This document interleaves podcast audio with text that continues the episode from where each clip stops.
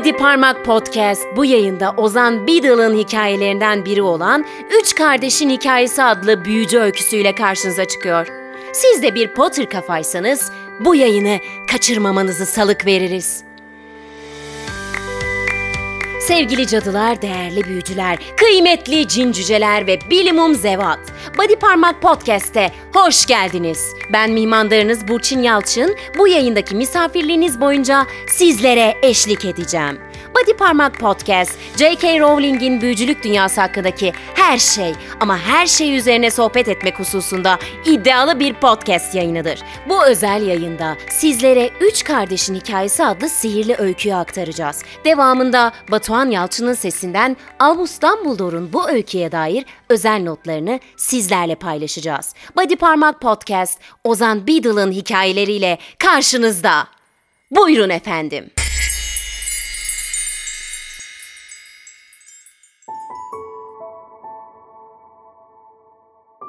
Üç Kardeşin Hikayesi. Yazan Ozan Beadle. Eski harflerle yazılmış aslından çeviren Hermione Granger. Vaktiyle alacakaranlıkta ıssız, dolambaçlı bir yolda seyahat eden üç erkek kardeş varmış. Kardeşler gide gide yürüyerek geçilmeyecek kadar derin, yüzülmeyecek kadar da tehlikeli bir nehre gelmiş. Ancak bu kardeşler sihirsel sanatlar konusunda bilgiliymiş. Onun için sadece asalarını sallamışlar ve emniyetsiz sularda bir köprünün görünmesini sağlamışlar. Köprünün yarısına gelince de yollarının kukuletalı biri tarafından kesildiğini görmüşler. Ve ölüm onlarla konuşmuş. Kandırıldı. Üç yeni kurbanı elinden alındığı için kızgınmış. Çünkü seyyahlar genellikle nehirde boğulurmuş. Ama ölüm kurnazmış. Üç kardeşi sihirleri için tebrik ediyormuş gibi yapmış ve onlardan kurtulacak kadar akıllı oldukları için her birinin bir ödül kazandığını söylemiş. Böylece dövüşken bir adam olan en büyük kardeş, var olan bütün asalardan daha güçlü bir asa istemiş. Sahibi için her düelloyu kazanacak bir asa. Ölümü fethetmiş olan bir büyücüye layık bir asa. Ölüm de nehri geçip kıyıdaki bir mürver ağacının yanına gitmiş. Orada asılı bir daldan bir asa yapmış ve en büyük kardeşe vermiş. Sonra kibirli bir adam olan ikinci kardeş ölümü daha da aşağılamaya karar vermiş ve başkalarını ölümden geri çağırma gücü istemiş. Ölüm de nehrin kıyısından bir taş almış. İkinci kardeşe vermiş ve ona taşın ölüleri geri getirecek güce sahip olacağını söylemiş.''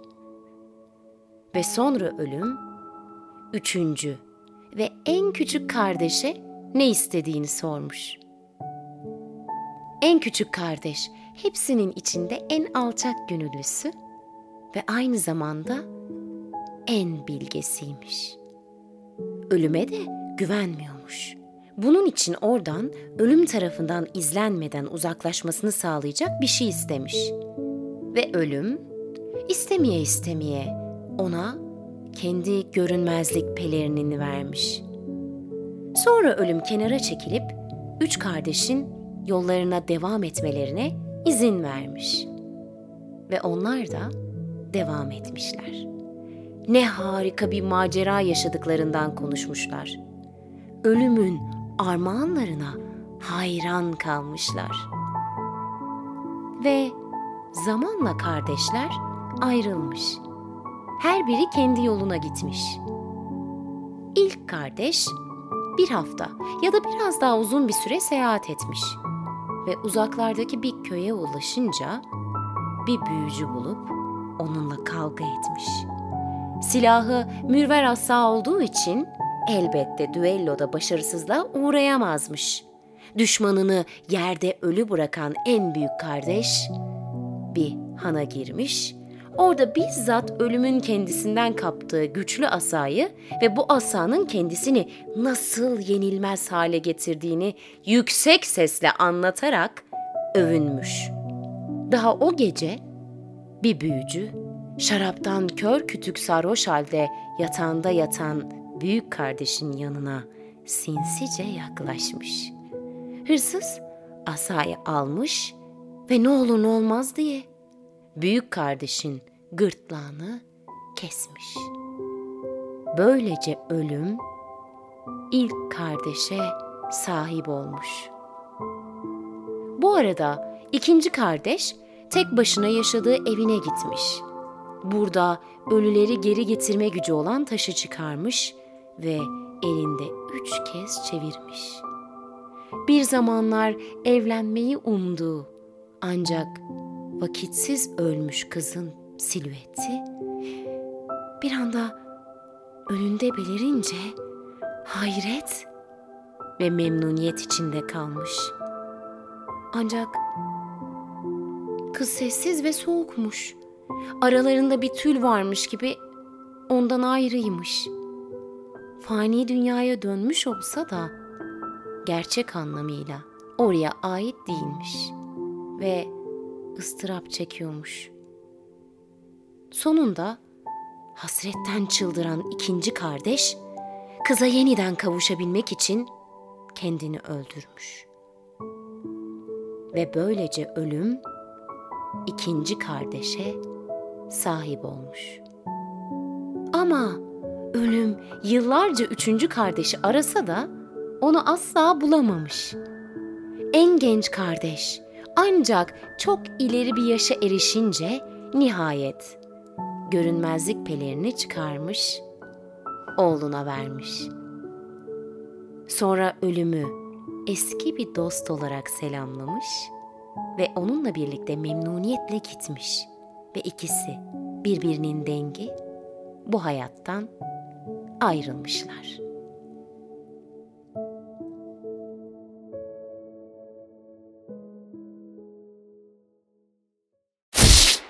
Albus Dumbledore'un Üç Kardeşin Hikayesi üzerine notları. Buyurun efendim.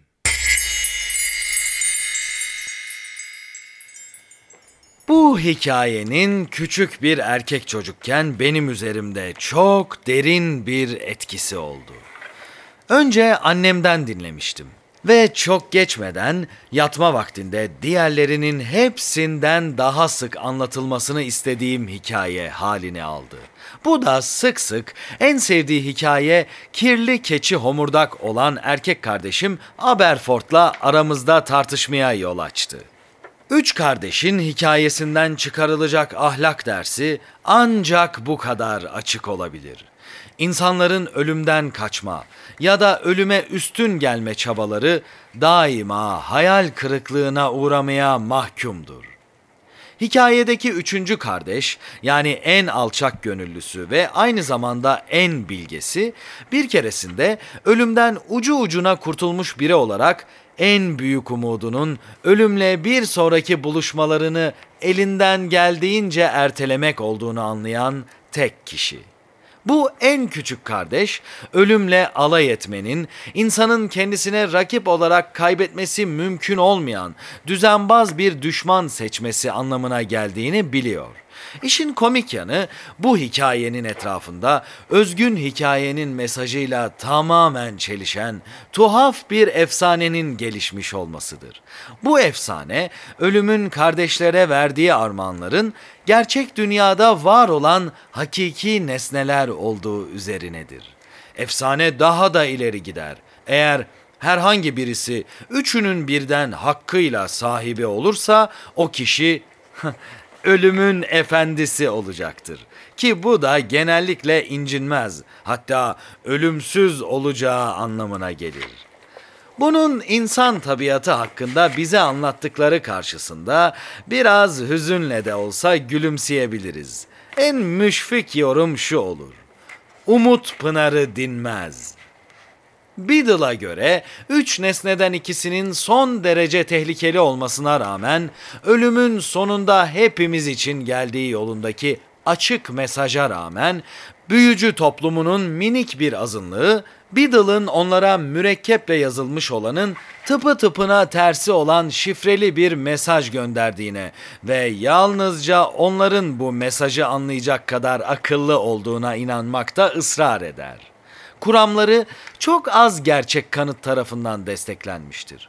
Hakiki görünmezlik pelerinleri sayıları çok az da olsa dünyamızda mevcuttur. Ancak hikaye ölümün pelerininin eşi görülmemiş derecede dayanıklı nitelikte olduğunu açık şekilde belirtiyor. Biddle'ın dönemiyle bizim dönemimiz arasında geçen onca yüzyılda kimse ölümün pelerinini bulduğunu iddia etmemiştir. Bu da gerçek inananlar tarafından şöyle açıklanır.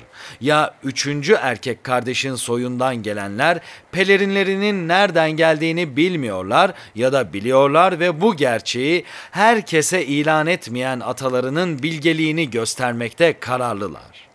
Doğaldır ki taş asla bulunamadı. Babbity Rabbit ve kıkırdayan kütüğünün yorumunda zaten belirttiğim gibi ölüleri uyandırmamız hala mümkün değil ve bunun asla gerçekleşmeyeceğini varsaymak için her türlü neden var. Tabii ki Inferius'ları yaratan karanlık büyücüler tarafından yerleri iğrenç bir şekilde doldurulmaya çalışıldı. Ama bunlar gerçekten yeniden uyandırılmış insanlar değil, berbat kuklalardır. Üstelik Biddle'ın hikayesi de ikinci kardeşin kayıp aşkının gerçek anlamıyla ölüler arasından dönmediği konusunda hayli açıktır. Kız ölüm tarafından ikinci kardeşi ölümün pençesine düşürmek için yollanmıştır ve bu yüzden de soğuktur, uzaktır. Boşuna umut verecek şekilde hem vardır hem yoktur. Bu durumda geriye asa kalıyor ve Biddle'ın gizli mesajına inatla inananlar hiç değilse çılgınca iddialarını destekleyecek biraz tarihi kanıta sahipler. Çünkü Durum şudur ki ister kendilerini göklere çıkarmaktan hoşlandıkları için ister muhtemel saldırganların cesaretini kırmak için ya da dediklerine sahiden inandıklarından olsun büyücüler çağlar boyunca sıradan asalardan daha güçlü bir asa, yenilmez bir asa sahibi oldukları iddiasında bulunmuşlardır. Bu büyücülerden bazıları sözde ölümün yaptığı asa gibi kendi asalarının da mürverden olduğunu iddia etmiştir. Böylece asalara kader asası ve ölüm değneğinin de aralarında bulunduğu pek çok ad verilmiştir. Nereden bakarsanız en önemli sihirli aletlerimiz ve silahlarımız olan asalarımız etrafında eski boş inançların gelişmiş olmasına şaşmamak gerek.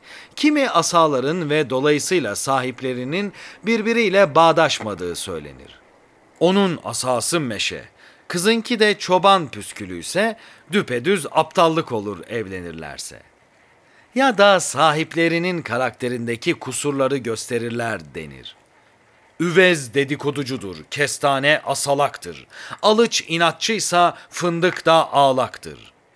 Ve elbette bu kanıtlanmamış sözler kategorisinde şunu da buluyoruz. Mürverse asan, hiç bitmez tasan. Ya ölüm Beadle'ın hikayesindeki hayali asayı mürverden yaptığı için ya da güç peşinde koşan veya şiddet dolu büyücüler ısrarla asalarının mürverden yapıldığını iddia ettiği için asa yapımcıları arasında tercih edilen bir ağaç değildir.